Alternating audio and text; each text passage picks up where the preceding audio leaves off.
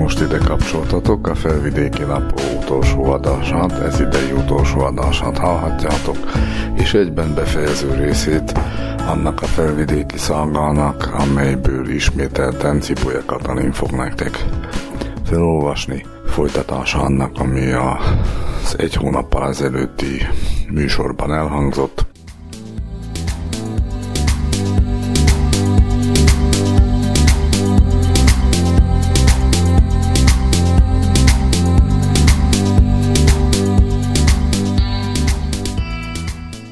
Dani eredetileg nem akarta lefizetni őket, de nem volt más választása, mert olyan magas büntetéseket helyeztek kilátásba, hogy az már tönkretette volna őt. Így aztán diszkréten a zsebükbe csúsztatott egy kis baksist, és a hang nem azonnal megváltozott. Egy ideig békén hagyták, majd újra megjelentek.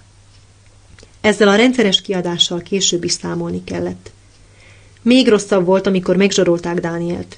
Két kopasz, kigyúrt férfi jelent meg nála, és felajánlották, hogy megvédik az éttermet. Dani nem akart kötélnek állni, mert tudta, a zsarolásnak sosem lesz vége. Inkább őrzővédő szolgálatot fogadott el, de az is rengeteg pénzbe került.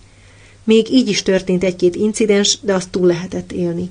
Minden esetre az egész vendéglátósdi egyre kevésbé tetszett Orsolyának. Rettenetesen féltette a fiát. Dánielt azért nem kellett félteni. Amolyan igazi budapesti aszfaltbetyár volt.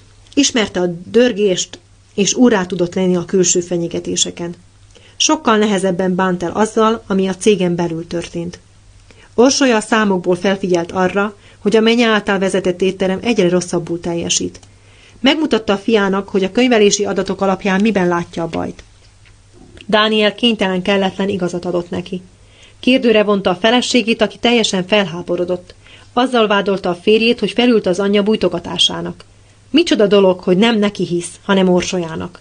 Dani hiába védekezett azzal, hogy a számok nem hazudnak, a legjobb védekezés a támadás, és Claudia ezt alkalmazta. Dúlt, fúlt, és szóba sem állt az anyósával. Erre persze Orsolya is megbántódott. Bejelentette a fiának, hogy a továbbiakban nem vezeti a könyvelést, keressen valaki mást. Úgy, hogy a szerencsétlen Dani ott találta magát a két haragvó asszony között. Mindkettőjüket szerette, éppen ezért képtelen volt igazságot tenni. Hogy a fejét egy kicsit kiszellőztesse, Orsolya gondolt egyet és elutazott királyrévbe. Jó két hétig ott tartózkodott. Segített Ildikónak az üvegházban, sütött, főzött, úgyhogy jól el voltak. Az akkor már szintén nyugdíjas Ildikónak jól esett a társaság. Vasárnap reggel Orsolya templomba készült. Egy váratlan ötlettől vezérelve megkérdezte az unokahugát. Nem jössz velem Szent Misére? Ildikó meghökkent. Már vagy harminc éve besemtette a lábát a templomba, hiszen ezt még annak idején megígérte a férjének. A kommunista Dénest eltársai megrótták, mert a felesége templomba járt. Mostanra azonban megváltozott a helyzet. Már Dénes sem kommunista, és az elvtársak nincsenek. Sehol. Ildikó egyszerre oldhatatlan vágyat érzett, hogy a nagynényével tartson. Így hát együtt mentek Szentmisére. A templomba érve Ildikó körülnézett. Itt bizony nem sok minden változott, állapította meg. Ahogy ott nézelődött, észrevette őt az egyik lánykori pajtása. Kilácskó Iluska oda sietett hozzá, és könnyes szemmel ölelte át valamikori barátnőjét. Hát visszatértél közénk, jelentette ki meghatottan. Attól fogva Ildikó el nem szalasztott volna egyetlen szentmisét sem. Hamarosan bekapcsolódott a hétközösség életébe, virágot hozott, részt vett a templom takarításában, vagy nagyobb ünnepek előtt a feldíszítésében. A többi asszony örült, hogy újra velük van. Minden hívőre szükség volt, hiszen úgyis olyan kevesen tartották a hitet. Ildikó sajnálkozva állapította meg, hogy alig 20-30 ember jár templomba. Többségükben öreg asszonyok, akik ha esett, ha fújt, mindig ott voltak. Iluska mesélte, hogy közvetlenül a rendszerváltás után sokan jöttek, de a nagy felbuzdulás elmúltával fokozatosan elmaradtak. Hiába. Megváltozott a világ, állapította meg magában Ildikó. De ha az emberek azt hiszik, a demokráciában már nincs szükség Istenre, akkor nagyon tévednek. A hirtelen jött szabadosságban még nagyobb szükség volna erkölcsi vezérfonalra, de a vallást elsorvasztották, és helyette nem adtak mást. A régi időkben sosem történhetett volna meg az, ami Ildikót a leginkább bántotta. Kisebbik lánya hajnalka már évek óta együtt élt egy fiatalemberrel, annélkül, hogy összeházasodtak volna. Ez a módi Ildikónak nem tetszett, de nem szólt bele. Hol jöhetne ő ahhoz, hogy egy harminc éves mérnöknőt egzecíroztasson, még ha a saját lányáról van is szó?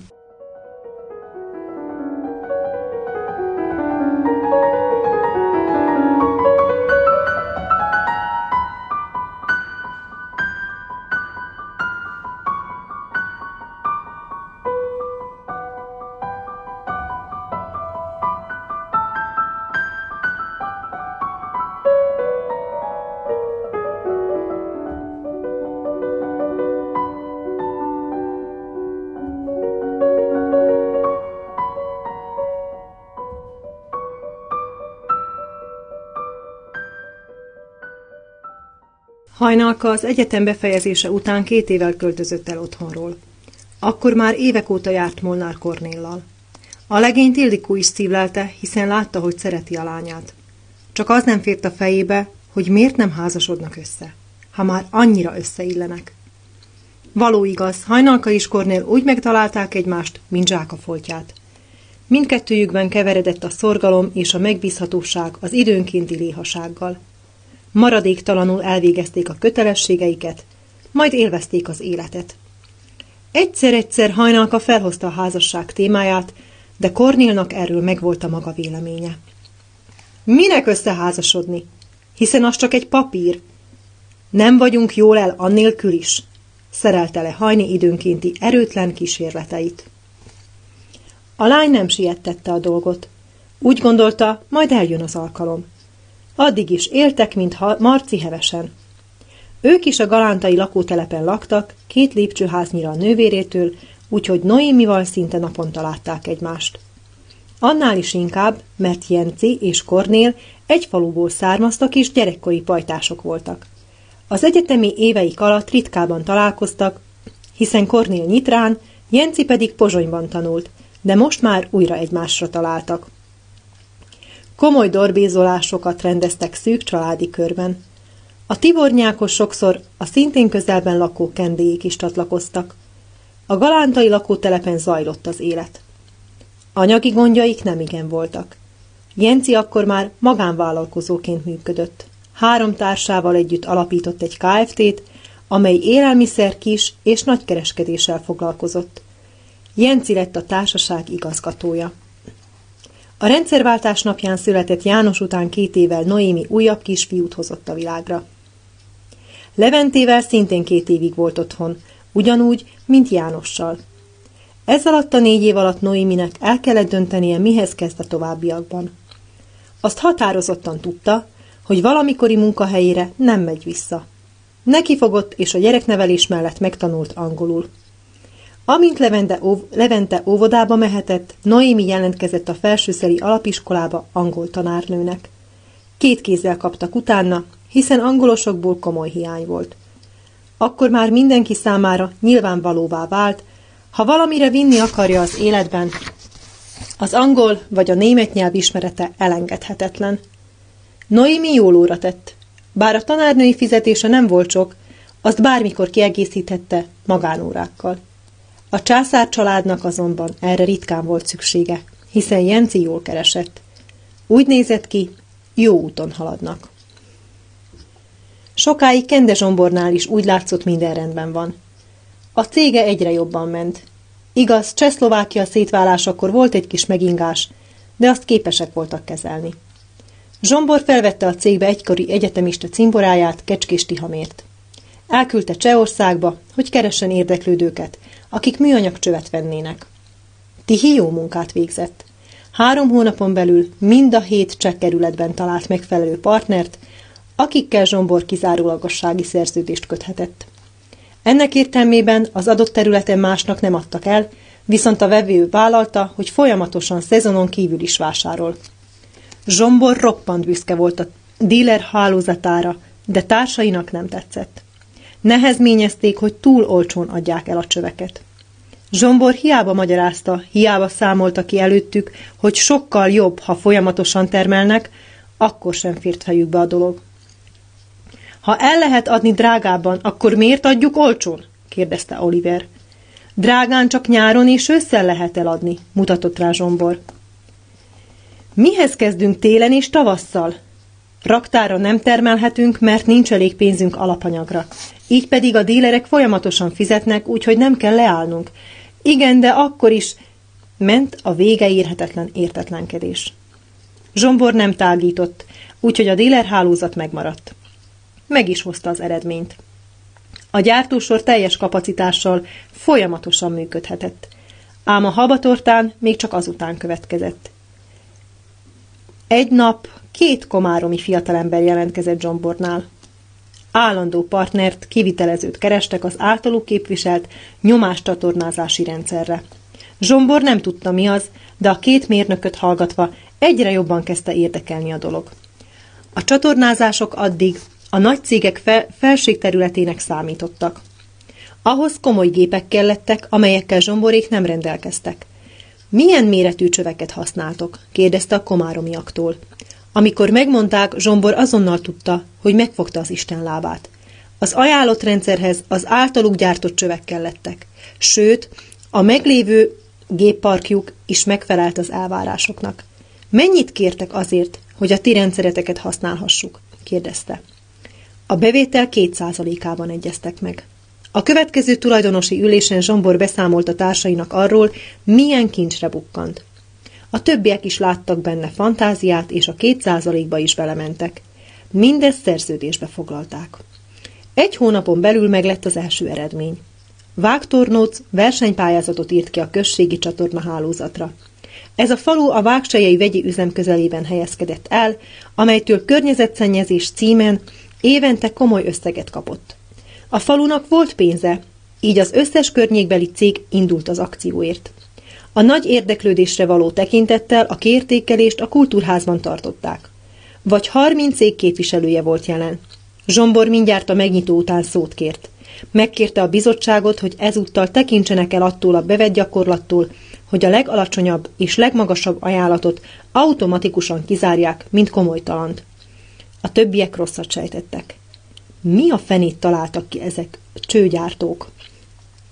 Zsombor színre lépték, a legalacsonyabb ajánlat 60 millió korona volt, és további 40 kellett még a szennyvíz tisztító megépítésére. Mi elvégezzük az egészet 50 millió koronáért, jelentette be Zsombor. És mennyibe kerül a tisztító? kérdezett rá a polgármester. Semennyibe. Zsombor roppantul élvezte a megrökönyödést. Nincs rá szükség. Mindenki más azt javasolta, hogy a falu szennyvíze folyjon bele a vág partján felépítendő szennyvíztisztítóba. Zsomborék más találtak ki. Nyomáscsatorna rendszerünkkel elvezetjük a szennyvizet a vegyi üzem jelenleg is működő tisztítójába, magyarázta az elképzelést. A termelés visszaesése miatt az úgyis csak félgőzzel működik. Az üzem hálás lesz a falunak, hogy megemelkedik a kapacitás. Szerintem még fizetni is fognak a szennyvízért. Gondoljon bele, polgármester úr, a tornóciak pisilnek egyek, és pénzt kapnak érte. Zseniális megoldásnak látszott. Zsombor csak egy valami bosszantotta, hogy nem ő találta ki. Köszönjük szépen az uraknak, hogy megtették javaslataikat, fejezték be az ülést, fejezte be az ülést a polgármester. Mindenki cihelődött, ám a polgármester folytatta. Kérem, Kende mérnök urat, maradjon még egy kicsit. A javasolt megoldásnak az áron kívül számtalan más erőnye is volt. Úgy illett a mátyusföldi viszonyokra, mint fedő a fazékra. A következő évtizedben a falvak többsége ezzel a módszerrel lett csatornázva. Az akciók nagy részét zsomborék kivitelezték. A szlovák állam több százmillió koronát takarított meg. Zsombor azt hitte, a csúcsra ért, pedig igazából ekkor kezdődött az összeomlás. A következő év nyarán két hétre elment kirándulni. Visszatérve ellenőrizte a cső eladási kimutatást, és valami furcsaságra lett figyelmes. Milyen cégnek adtatok el egy vagon csövek? Csövet, vonta kérdőre Vincét, a volt kommunistából lett társat, aki a távollétében helyettesítette. Egy észak-csehországi vállalatnak, világosította fel Vince. Nagyon kellett nekik az anyag. 10%-kal drágában is megvették, jelentette ki büszkén. 40 ezer koronával többet kerestünk.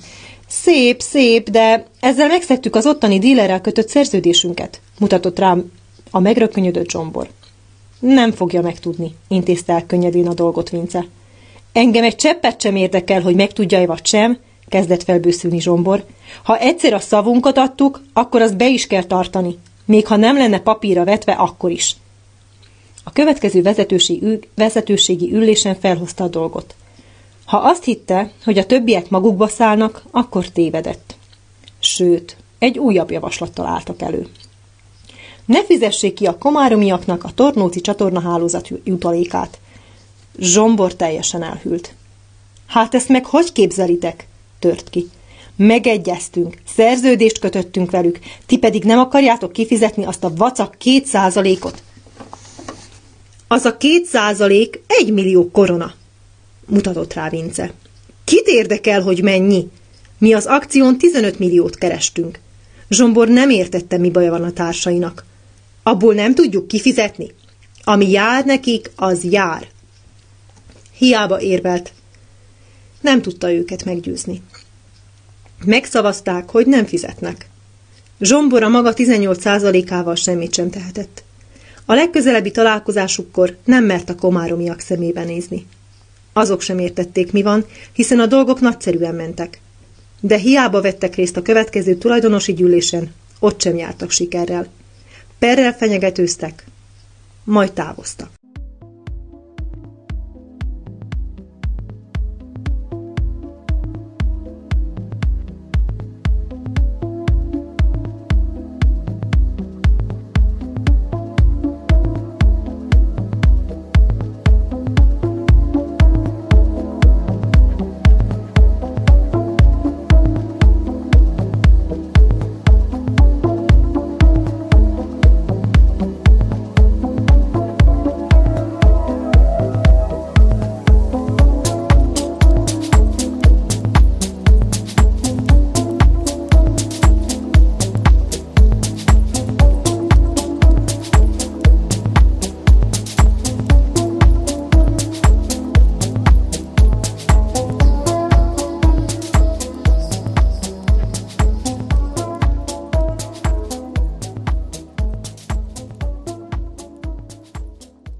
Nem nyerik meg a pert, jelentette ki Vince.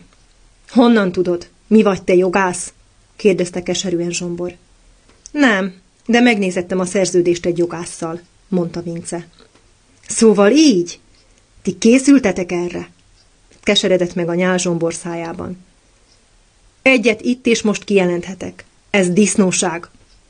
Ha a tárgyaláson tanúskodnom kell, a komáromiak mellett vallok majd.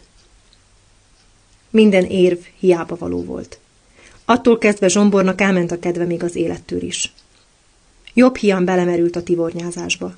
A cégbe alig járt be, akkor is útálattal. Nem tudta eldönteni, most mi legyen.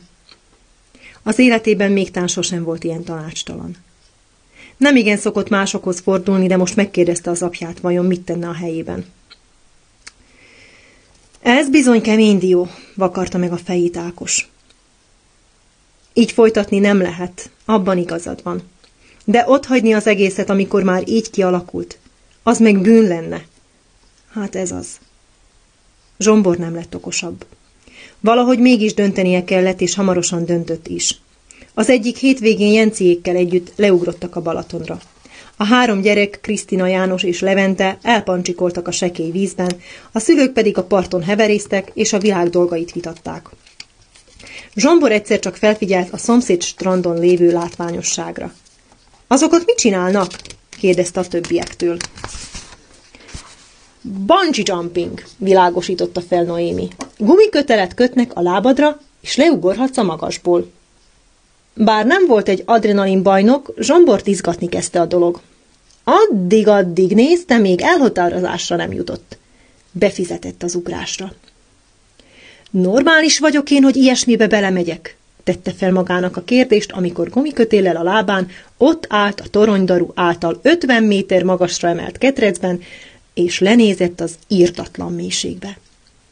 De aztán nem sokat gondolkodott, mert tudta, ha még tíz másodpercig tétovázik, akkor már nem lesz mersze leugrani. Kivetette magát a levegőbe, és ezzel megkezdődött élete egyik legszörnyűbb és egyben legcsodálatosabb élménye. Ha erre képes voltam, akkor bármi másra is képes lehetek. Vonta le a következtetést az ugrás után. Rögvest elhatározta, hogy lesz, ami lesz, kilép a cégből. A döntése szerint cselekedett. Rövid vita után a társaival megegyezett a tulajdonrésze átruházásában. Úgy látszott, a többiek nem igen bánkódnak. Azután már nem kellett Zsombor erkölcsi aggájaival foglalkozniuk. Szabadon tehették azt, amit csak akartak. Zsombor megkapta a pénzét, és ezzel egy csapásra gazdag emberré vált. A következő fél évben nem fogott bele semmibe, csak a tanulással foglalkozott. Jobb vállalkozó szeretett volna lenni, mint addig. Beiratkozott egy könyvelői tanfolyamra, hogy a könyvitellel is tisztában legyen. A kettős könyvelés logikája egyenesen elbűvölte. Ugyanúgy beleszeretett a számítógépbe is. Hamarosan olyan pénzügyi terveket dolgozott ki a gépen, hogy mindenki ámuldozott. Jenciék egyik fejlesztési elképzelésének gazdasági tervét is Zsombor készítette el. Mindeközben Noémitől angolul tanult. Ekkor bánta igazán, hogy annak idején a gimnáziumban elhanyagolta az angolt. Meg is mondta valamikori tanárának, amikor egyszer Pozsonyban összefutott vele. Tanár úr, inkább vízilóbőr korbácsal vert volna bennünket, hogy rákényszerítsen a tanulásra. Hiába. Az ember idővel sok mindenre rájön. Minden esetre most már sokkal nagyobb erőfeszítést követelt meg tőle a tanulás, mint valaha. Zsombor igyekezett, hiszen önként vállalta. Időnként azért megesett, hogy nem vette át rendesen az anyagot. Jó hangulatban van Noémi? kérdezte aggódva Jencitől, amikor megérkezett hozzájuk a heti két óra egyikére. Mi van, már megint nem tanultál? vigyorgott a jó barát. Noémi vértivott reggel, úgyhogy vigyázz vele. Zsombornak lassan el kellett döntenie, hogy mihoz, mihez kezdjen. Állandóan törte a fejét, figyelt a jelekre, és ötleteket keresett. Végül a felesége, illetve annak bátyja révén lelte meg a követendő utat. Kingának volt egy Dobóc Károly nevű tíz évvel idősebb bátyja. Zsombor jól kijött vele. Karcsiék sajógyöngyén a gömöri régió központjában laktak. Kendiék gyakran találkoztak vele, hiszen legalább havonta egyszer hazalátogattak Kinga idős szüleihez, és akkor karcsiékat sem hagyták ki. Zsomborék náluk vacsoráztak, amikor a sógor felvetette. Nekem is kitalálhatnál valamilyen vállalkozást. Karcsi nemrég vált munkanélkülivé, mert a vállalat, ahol addig építésvezetőként dolgozott, becsődölt. Zsombornak a vacsorára felszolgált gombásús adta az ötletet. Mi lenne, hmm, ha csiperkét termesztenénk? vetette fel. Az elmúlt héten háromszor is hallott a csiperkéről. Zsombor odafigyelt a jelekre. Nem lehet véletlen, hogy amúgy is motoszkált a fejében, és most még vacsorára is gombát kaptak. A sógornak tetszett az ötlet. Zsombor elkezdett kutakodni a témában, de aztán hamarosan, hamarosan módosított a terven. Valamiért Budapestre kellett mennie. Ha már úgy is ott volt, megkereste egyik barátnőjét. A lány megkérdezte. Most éppen mit csinálsz? Csiperke termesztésen töröm a fejemet, válaszolta Zsombor. Hülyesség, mindenki azzal foglalkozik, jelentette ki ellentmondás nem tűrő hangon a barátnő. Ha már gomba, akkor erdei gombát kell forgalmazni. Kilójáért több ezer forintot fizetnek. Komolyan, lepődött meg Zsombor. Hol lehet ezt megnézni? A vásárcsarnokban, mondta a lány. Zsombor utána nézett. A barátnője igazat mondott. Az erdei gombának valóban komoly ára volt. Rögvest visszament csajógyöngyére, és megkérdezte a sógort. Teremnek itt erdei gombák? Zsombor Mátyus földiként semmit sem tudott róluk. róluk. Hát persze, jelentette ki Karcsi. Én vagyok a legnagyobb gombász. Jó, akkor a csiperke elfelejtve ráállunk az erdei gombákra, ismertette az új ötletet Zsombor. Ezen a téren nem létezett követendő példa, hiszen Szlovákiában ilyesmivel senki sem foglalkozott. Éppen ezt kellett Zsombornak. Két éven belül kitúrta az üzletekből az addig forgalmazott külföldi szárított gombákat, majd meglátta az első osztrák vevőt, és így elindulhattak a friss szállítmányok is.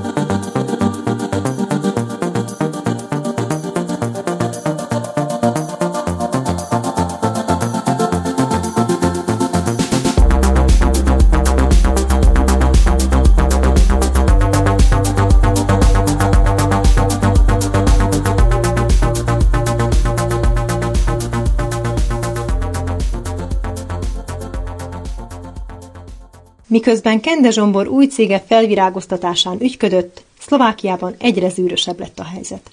Közeledtek a parlamenti választások. Az addig is arrogáns hatalom egyre fék, fékevesztettebbé vált. Mint mindig, a célkeresztbe újra a magyarok kerültek. A mecsiar korszak alatt számtalan törvényt hoztak ellenük. Az ország új területi elrendezését is úgy szavazták meg, hogy a magyarok szinte mindenhol kisebbségbe kerüljenek. Napirenden voltak a jogaik korlátozása.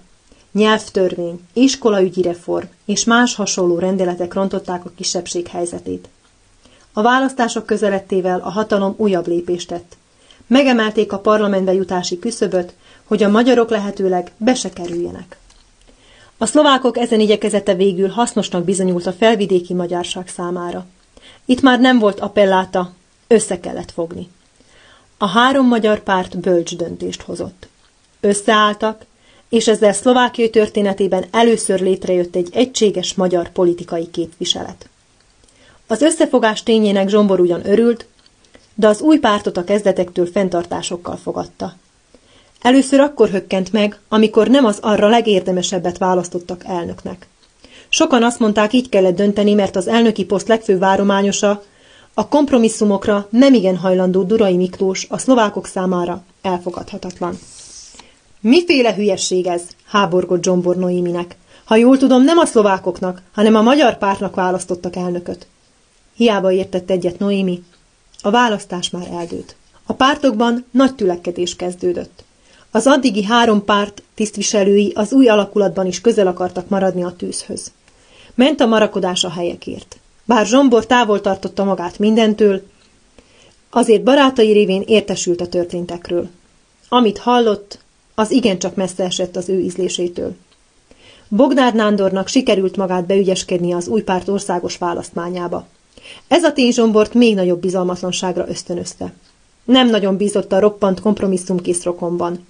Azt azért nem bánta, hogy Noémi nagybátyja bekerült a tágabb vezetőségbe. Ki tudja, hát ha jó lesz még valamikor ez a kapcsolat a pártvezetéssel. A pártegyesítést a felvidéki magyarok döntő többsége helyeselte. Úgy érezték, végre sikerült összefogni.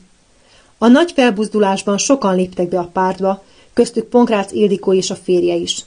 Az utóbbi időben Ponkrác Dénes úgyis egyre többet foglalkozott a magyarságával. Módszeresen tanulmányozta a nép történelmét. Kedvét lelte abban, hogy esténként mesélhetett feleségének az ősi időkről. A parlamenti választások lebonyolításában mindketten tevőleges részt vállaltak. A magyar párt megbízottaiként tagjai voltak a Királyrévi Választási Bizottságnak. Másnap örömünnepet ültek, amikor az eredmények ismeretében világossá vált, hogy az addigi hatalom vereséget szenvedett. Hamarosan megalakult az új kormány, amelyben a magyarok is helyet kaptak. Mindezzel csak az volt a baj, hogy a győzelem érdekében egy olyan széles koalíciót kellett kötni, amelyet csak a mecsiar ellenesség tartott össze. A kommunista utódpártól a kereszténydemokratákon keresztül a liberálisokig mindenki helyet kapott az új kormányban. A magyarokat azzal a feltétellel vették be, hogy a következő négy évben nem vetik fel az oly sokat kárhoztatott Benes dekrétumok ügyét. A magyarok háború utáni jogfosztottságát biztosító nemtelen rendeletek ugyanis még mindig érvényben voltak. A szlovákok azzal érveltek, hogy már senki sem alkalmazza őket, úgyhogy nem kell bajlódni velük. A felvidéki nép érzéseivel vajmi keveset törődtek. A magyar párt vezetői belementek a kompromisszumba, pedig nem biztos, hogy ezt kellett volna tenniük. Nélkülük nem létezett parlamenti többség, úgyhogy akár a sarkukra is állhattak volna. De nem tették meg. A lelkük rajta. Nagy kár volt, ugyanis ez az időszak óriási lehetőséget kínált a felvidékiek számára. Az ő sorsukat mindig is nagyban befolyásolták az anyaországi történések, és most kedvező helyzet állt elő. Magyarországon a polgári erők győztek a szocialista liberális koalíció ellenében, és így megalakulhatott egy nemzeti elkötelezettségű kormány. A két ország között enyhült a feszültség. Javultak a viszonyok, a szlovákiai magyar politikusok mégsem voltak képesek kihasználni ezt.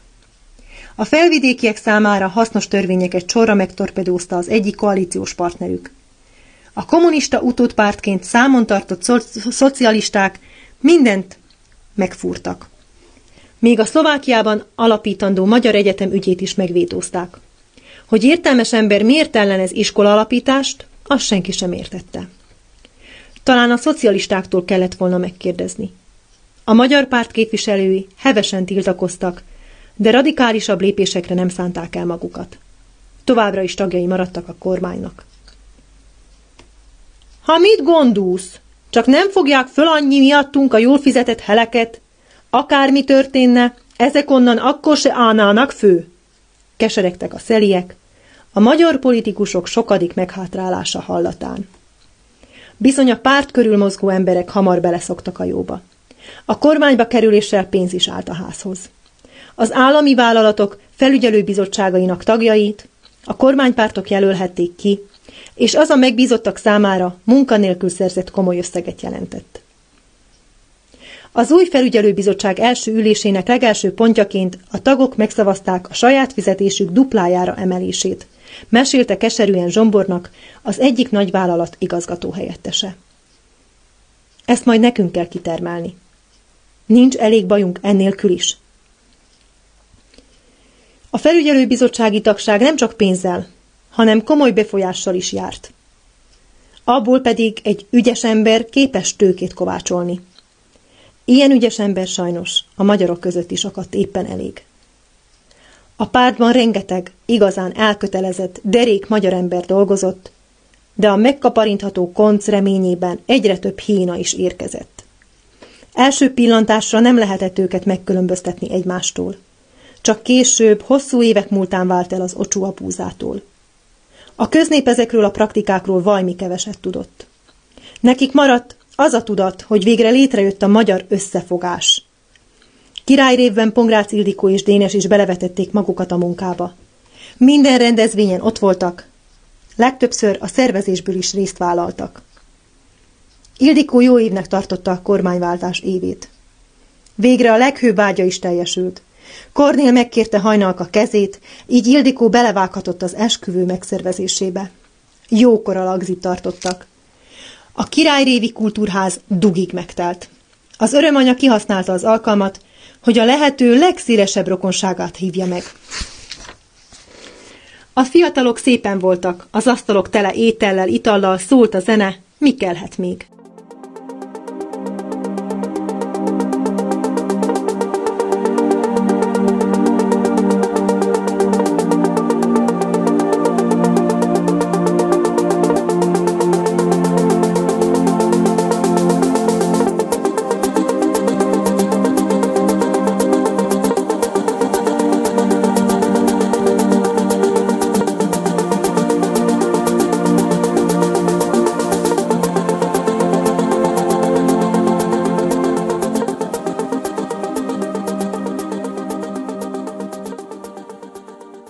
Kende Zsomborék Noémiékkal ültek egy asztalnál.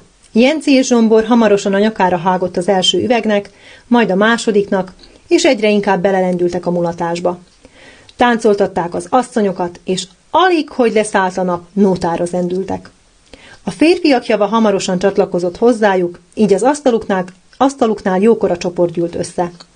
Egymás vállát átölelve daloltak, öklükkel verték az asztalt, és számolatlanul gurították le az újabb és újabb poharakat.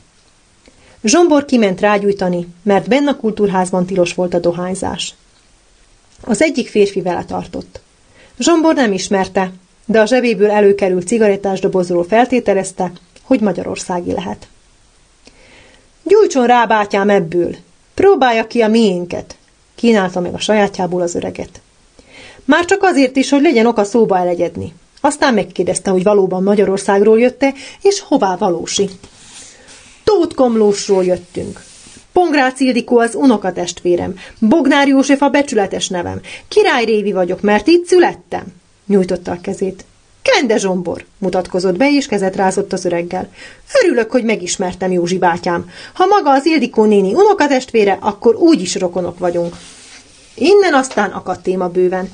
Először kiderítették, milyen úton módon rokonok. Akkora már két cigarettát is elszívtak. A terembe visszatérve Zsombor odainvitálta az öreget az asztalukhoz, és tovább beszélgettek. Azt mondta Józsi bátyám, hogy itt született. Akkor meg hogyan került Tóth Komlósra? kérdezte Zsombor, hogy tisztába jöjjön a helyzettel. Tudod, fiam, az apám a háború alatt rendőr volt Galántán. Bognár Istvánnak hívták. Isten nyugosztalja, és mint háborús bűnöst kitoloncolták.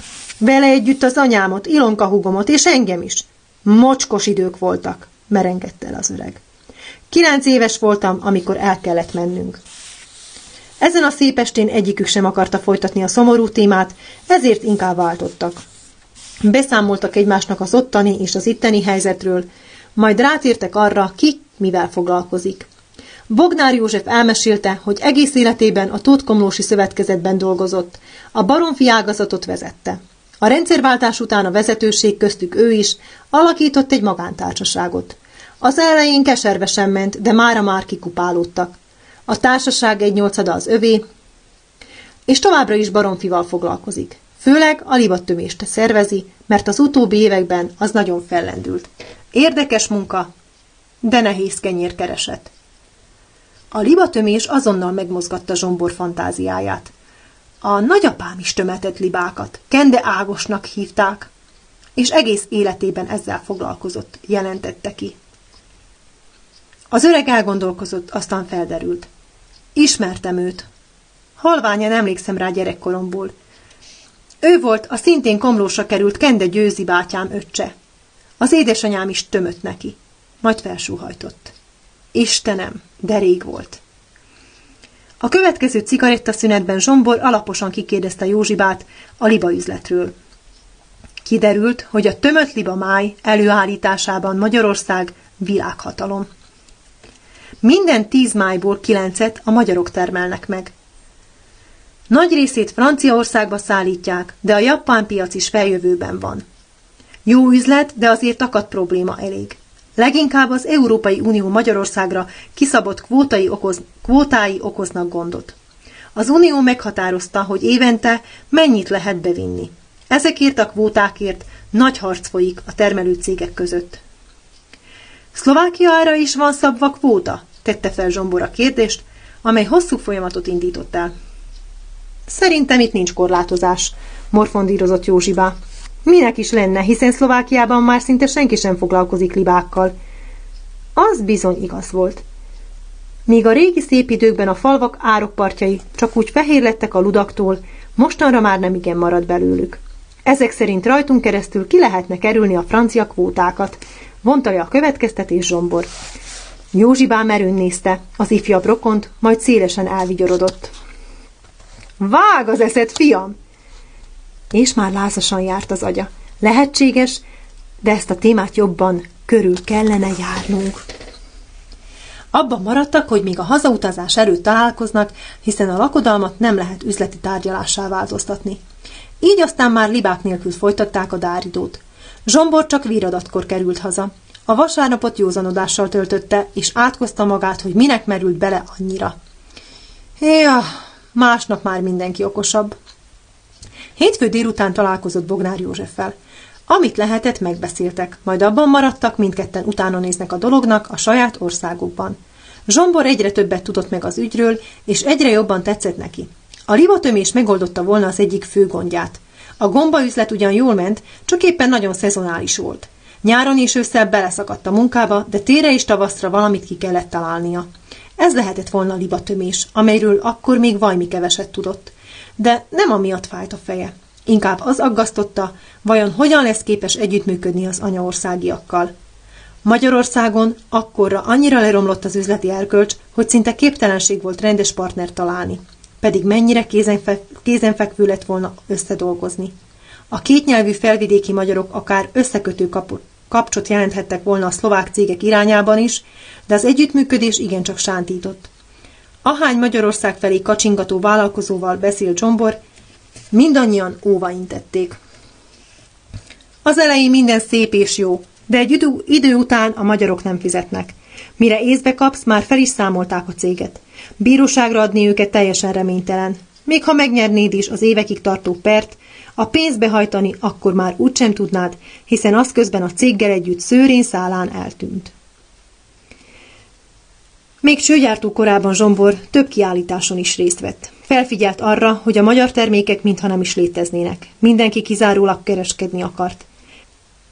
Kínálták a német, francia, izraeli, osztrák és még Isten tudja honnan származó árukat. Hiába, a kereskedelem nagyobb pénzt hoz, mint a termelés, ráadásul sokkal gyorsabban. És bizony mindenkinek leghőbb vágya volt mi, harabba, mi hamarabb milliómossá válni. Zsombor abban reménykedett, hogy egy termelőnek más a hozzáállása. Bízott a rokoni kapcsolatban is. A vér kötelez. Még akkor is, ha Bognár Józseffel eddig nem ismerték egymást. A jövő megmutatta, hogy nem kellett csalódnia. A Tótkomlósi cég tulajdonosai igazi tenyeres talpas magyar paraszt emberek voltak. Amit mondtak, az úgy volt, és amit ígértek, azt maradéktalanul betartották. Zsombornak találnia kellett egy szlovák vágóhidat, amelyik rendelkezik uniós engedéllyel. Egy ideig úgy tűnt, ilyen nincs, aztán mégis rábukkant egyre. Bár még a diószegi vágóhídnak sem volt meg a pecsétje, a tulajdonosok azt állították, keményen dolgoznak a megszerzésén. Zsombor örült, mert elhárult a legfőbb akadály, csak a tulajdonosok köre zavarta. Azok ugyanis még a mecsiari időkben jutottak a vágóhídhoz, így nem igen bízott bennük. Hogy a livatömés szakmai részét megtanulja, Zsombor elutazott Tótkomlósra. Nagy szeretettel fogadták, az ősi fészekből érkezett rokont. Bognár Józseféknél lakott. Napközben jártak a libatelepeket. Napközben járták a libatelepeket. Zsombor jegyzetelt, filmezett és mindenre rákérdezett. Estére pedig összejött a család, és vacsora mellett jókat beszélgettek. Józsefnek két, Zsombornál pár évvel fiatalabb lánya volt, Erzsébet és Etelka. Mindketten férnél voltak, és Erzsébet révén már az első unoka is megszületett. Sok minden szóba jött. Egyszer aztán Zsombor megkérdezte, hogyan élnek egymás mellett a magyarok és a szlovákok. Van-e valamilyen surlódás? Na, erről a Marci tud neked a legtöbbet mondani, mutatott Józsibá az átelemben ülő vejére. A szlovák kisebbségi önkormányzatnál dolgozik. Az apja révén ő is tót gyerek, fele magyar, fele tót. Erzsébet férjét Kolészár Mártonnak hívták, és láthatóan nem sértődött meg a tót jelzőn. Nincs itt semmiféle nemzetiségi probléma, jelentette ki. Majd hosszasan mesélt arról, milyen kulturális akciókat szerveznek, hogyan ápolják a hagyományaikat, és a városi önkormányzat mennyire segítőkész. Persze nem jut mindenre pénz, de azért nem panaszkodhatnak. Hány szlovák él a városban? kérdezett rá. Olyan három és fél ezer, felelte Márton. Ez a létszám állandó, növekszik vagy fogy? érdeklődött Zsombor. Márton, aki érezhetően a szívén viselte az itteni szlovákság sorsát, ennél a kérdésnél elkomorult. Sajnos rohamosan fogyunk, jelentette ki. Ha ez így megy tovább 20-30 év múlva, már nem lesz tótkomlósi szlovákság. Egyszerűen beolvadunk. De mi ennek az oka? Érdeklődött Zsombor, akit felvidéki magyarként érzékenyen érintett a beolvadás témája. Hiszen itt semmiféle törekvés nincs a szlovák, a szlovákság beolvasztására, sőt, úgy hallom, inkább a hagyományok megtartását ösztönzik. Ez így van. De akkor is fogyunk, jelentette ki vérző szívvel Márton. Azelőtt szlovák legény nem vehetett el magyar lányt, a szülei nem engedték volna. A háború előtt 11 ezeren voltunk. Az eladósorba lépetteknek volt miből választani. A lakosságcsere során sokan elmentek, a helyükre, a helyükre jöttek a magyarok. Jobban keveredett a nép, és a kitelepítések után itt maradt 6-7 ezernyi szlovák fogyni kezdett. Vedd csak az én példámat. Apám nagy szlováknak tartotta magát, de magyar lányt vett el. Még én is inkább szlováknak, szlováknak vallom magam, de a fiam elemér már magyar lett. És abban igaza is van, hiszen a vére szerint háromnegyed részben magyar. Végig magyar iskolákba járt. Szlovákul is csak azért tud valamennyire, mert én erültettem. Remélem ránk felvidékiekre nem ez a sors vár, merengett Zsombor, de nem volt biztos benne, hogy a szlovákiai magyarok másképpen végzik majd. Nem mutatta, de azért egy pici káröröm elöntötte a lelkét. A szlovákok maguknak köszönhetik a bajt. Az erőltetett lakosság cserével valójában elindították a saját nemzetiségük romlását is. Aztán közös ismerősököt kerestek Mártonnal. Találtak is, hiszen a kisebbségi önkormányzat képviselője többször járt Alsószeliben. A tótkomlósiak jelentős része Zsombor falujába került. Máig is tartják a kapcsolatot velük, így aztán Márton sok alsószelit ismer. Zsombor szerette volna tudni, hogy a komlósiak mennyire bírják a nyelvet, ezért átváltott szlovákra. Márton egész jól beszélt, de a fia elemér inkább csak pötyögött. Márton magyaros kiejtéssel és furcsa szavakat használva válaszolgatott Zsombornak, aki ezt roppant mulatságosnak találta. Nem nevette őt ki, csak jól szórakozott. De nem csak ő, hanem Márton is, aki látta, hogy az újonnan megismert felvidéki rokonban nincs rossz indulat.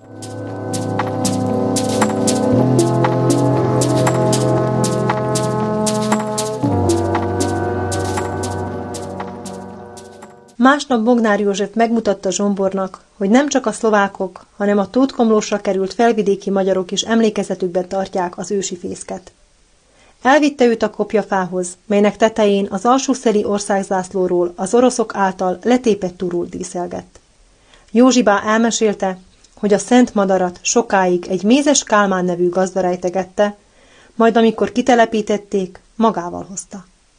Jó ideig a kertjében álló póznára volt erősítve, és a kitelepítettek oda jártak vigaszért, annak tövében emlékeztek az elveszett szülőföldre.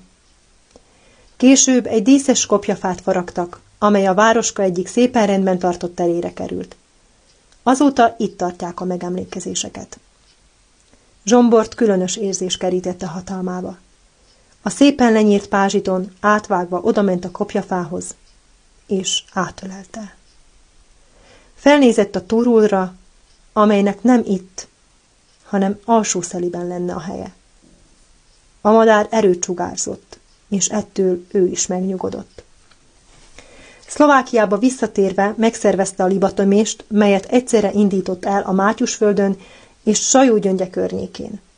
A gombaüzlet révén gömörben már komoly bázist épített ki.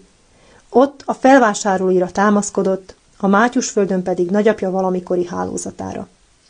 Érdekes módon alsószeliben és királyrévben nem talált érdeklődőt az e fajta paraszti munkára. Akkorra már az emberek elkényelmesedtek, még saját részükre sem igen tartottak házi állatokat. Minek termennyi? Minek állatokat tartani? Bemész a Tesco-ba, a sokkal olcsóban megveszed. Annyiért meg se tudod csinálni, mondta Zsombornak a falu valamikori legnagyobb fóliázója.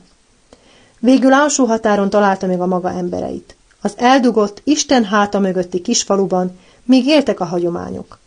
Hárman közülük fiatalasszonyként már a nagyapjának is dolgoztak.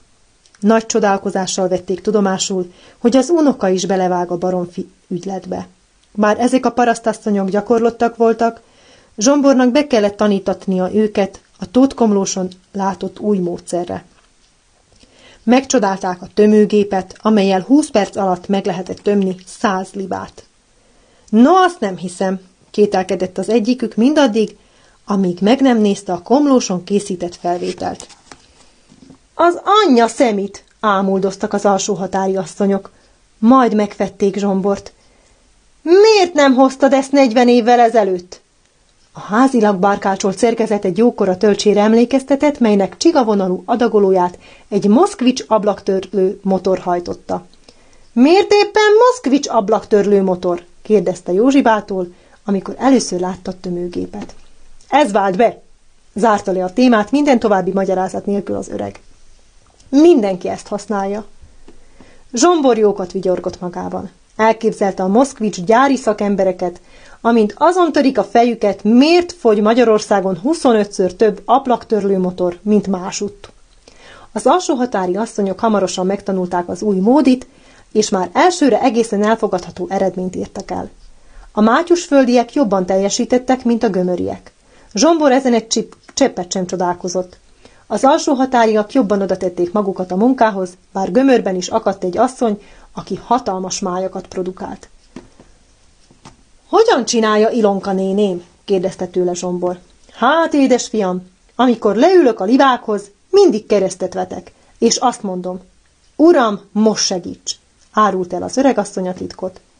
A vágóhídon sem vártak olyan jó eredményt, mint amilyet Zsombor csapata elért. Hamarosan híre ment, hogy itt valami komoly tömés folyik. A második turnus vágását a Peredi Szövetkezet igazgatója is eljött megnézni. Még a csehszlovák időkben erre a szövetkezetre bízták a libanemesítés ügyét. Nagy szakértőknek tartották magukat, ám Zsombor eredményeit látva az igazgatót ette a sárga irítség. Ők is tömtek ludakat, csak rossz úton jártak. Olyan libafajtát akartak kinemesíteni, amelynek hatalmas a mája, gyönyörű fehér a tolla, és a hús a sovány, de ízletes. Ez így együtt nem megy. Zsomborlibái szürkék voltak, a húsuk elzsírosodott, viszont a májhozam parádés volt, és az minden más veszteséget kárpótolt. Zsombor később hallotta, hogy, jár, hogy jártak egyszer a perediek. Találtak valamilyen osztrák vevőt, akinek próbaként kitömtek 200 libát. De nem nagyon bízhattak magukban, mert a vevő érkezését megelőző estén levágták a ludakat, hogy lássák az eredményt. A kis májakat látva megrémültek. Most mi legyen? Nem akartak szégyenben maradni, ezért fogták magukat, és másnap hajnalban átautóztak a győri piacra. A magyarországi parasztasszonyoktól megvették az összes gyönyörű szép májat, és azt mutatták meg az osztráknak. Az asszonyok folyamatosan dolgoztak, de Zsombor nem tudott tovább lépni. A vágóhíd még mindig nem szerezte meg az uniós engedélyt. Soha sem kapjuk meg, kesergett a vágóhíd igazgatója, amikor Zsombor rákérdezett a dolgok állására. Ezeknek eszük ágában sincs megadni. Ide jönnek, találnak valamilyen hibát, amit eltávolítunk. Újra jönnek, újabb dolgot írnak elő, és ez így megy a végtelenségig. Nagyon álságos volt az egész. Törvények és előírások mögé bújva az Unió egyszerűen megakadályozta, hogy a volt szocialista országokból származó áru a piacokra jusson. Élelmiszerbiztonságot és modernizációt emlegettek. A vágóhidat is biztatták, hogy nyugodtan fogjanak bele a fejlesztésbe, és akkor hamarosan megkapják az engedélyt. Így Zsombor is készülődni kezdett arra, hogy kijut a francia piacra. Miközben a tótkomlósi partnerekkel együtt megvitatták a lehetőségeket, rájött, hogy igencsak nehezen lesz versenyképes. A libamáj előállítását a magyar állam nagyjából 15%-kal támogatta, mivel Szlovákiában ilyesmi nem létezett, Zsomborék eleve hátrányra indultak volna. Az pedig, ha valaki a világbajnokkal szemben hátrányjal indul, nem sok jóval kecsegtet. Mit volt mit tenni? Zsombornak el kellett intéznie, hogy állami támogatást kapjon. Nem tartotta reménytelennek az ügyet. Már csak azért sem, mert a mezőgazdasági minisztérium államtitkárát a magyar párt adta. Szerencsés véletlen folytán a Peredi Szövetkezet elnökét jelölték. Azt, aki megnézte a vágóhídon Zsombor libáinak vágását. Bejelentkezett az államtitkárhoz, aki emlékezett rá, és a következő héten fogadta. Zsombor lelkendezve mesélt neki az általa alkalmazott, a tótkomlósiaktól tanult módszerről. Ismertette az elért eredményeket, majd nyomatékul megajándékozta a legutóbbi turnusból félretett legnagyobb libamájjal. Aztán rátért jövetel céljára. Államtitkár úr! Annak érdekében, hogy a külföldi piacokon felvehessük a versenyt a magyarokkal, szükség lenne nagyjából 20% állami támogatásra. A magyar termelők is annyit kapnak, ismertette a helyzetet Zsombor. Elnélkül nem leszünk versenyképesek. Az államtitkár eltűnődött, majd feltette a kérdést. Mennyi termőföldje van magának? Semennyi, válaszolta Zsombor megütközve. Hol vannak a libatömése szükséges istálók? folytatta a kérdezősködést az államtitkár. Sehol, felelte Zsombor, miközben azon tűnődött, hogy minek is vesztegette az idejét magyar, magyarázkodással. Akkor mire akar támogatást? hangzott a kérdés. Államtitkár úr, fogott bele az újabb magyarázatba Zsombor, és kezdte a türelmét veszteni. Elmondtam az előbb, hogy mindez szükségtelen. A ludakat kiadjuk háztáiba, tehát nem kell se föld, se istáló, de kell a támogatás, hogy versenyképes árat tudjunk kialakítani. Ilyen módon nem adhatunk dotációt, jelentette ki az államtitkár. Jöjjön vissza akkor, ha majd lesz földje, vagy épületeket akar építeni. Abban támogathatjuk. Megenged még egy utolsó kérdést? kérdezte Zsombor, majd folytatta. Az önszövetkezete kapott támogatást libatömésre? Természetesen, felelte az államtitkár. Annélkül nem csinálhattuk volna. Majd sietve hozzátette. De a szövetkezetnek voltak földjei és istálói. Zsombor sietve elbúcsúzott, nehogy csúnyát mondjon. Szóval azok, akik nem tudják csinálni, kapnak támogatást, aki pedig tudja, az boldoguljon annélkül. Furcsa világ, mondhatom, gondolta magában hazafelé autózva, miközben alig látott az elkeseredéstől. Hát miféle világ ez? Ez az elkeseredése semmi sem volt ahhoz képest, amit pár hónap múlva érzett. A vágóhíd csődöt jelentett. Az utolsó két szállítmány ára odaveszett. A pénzt is sajnálta, de az elszalasztott lehetőséget még inkább. Mire kialakult volna valami, becsődölt az egész. Nagyon sok cég járt hasonlóan Szlovákiában. Az előző kormány alatti szabadrablásban a mecsiarista Siser, Siserahad úgy jutott hozzá a vállalatokhoz, hogy fogalmuk sem volt azok működtetéséről. Azt hitték, elég beülni a tulajdonosi bársonyszékbe, és minden magától megy. Nekik csak a pénzt kell számolgatniuk. Egy ideig úgy tűnhetett, igazuk van. Ha valamelyikük bajba került, újabb pénzt kapott. A bankok számolatlanul nyújtották a hiteleket, mert az állam ezekre kezességet vállalt. Amint ez a paradicsomi állapot megváltozott, a mecsiaristák csődöt jelentettek. Kimentettek annyi pénzt, amennyit csak bírtak, utána már nem törődtek semmivel. Az alkalmazottak mehettek az utcára, a beszállítók pedig futhattak a pénzük után. Futhattak, de elérni úgysem érhettek el semmit. A törvény szerint a felszámolás során először az alkalmazottak bérét kellett rendezni, majd a banki tartozásokat. A pénzintézetek ezt kikövetelték maguknak, a honatják pedig simán megszavazták. A zsomborféle beszállítókra csak ezután került volna sor, de olyan eset nem igen akadt, hogy nekik is jutott volna a pénzből. Mivel utolsó adás egyben nagy-nagy szeretettel köszönöm meg mindenkinek azt, hogy amikor csak tehetétek, akkor itt voltatok velem együtt, a cseten hallgatuk együtt a műsorainkat, és ezért óriási köszönet mindannyiatoknak, akik ebben közreműködtetek, és engem is segítettetek abban, hogy műsorokat csináljak, mert technikailag még mindig akadnak gondjaim.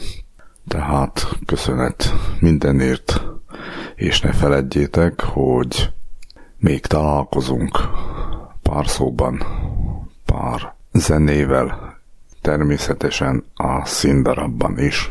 Minden jót a továbbiakban. Ezzel zárom 2021 rádiós évadomat. Sziasztok!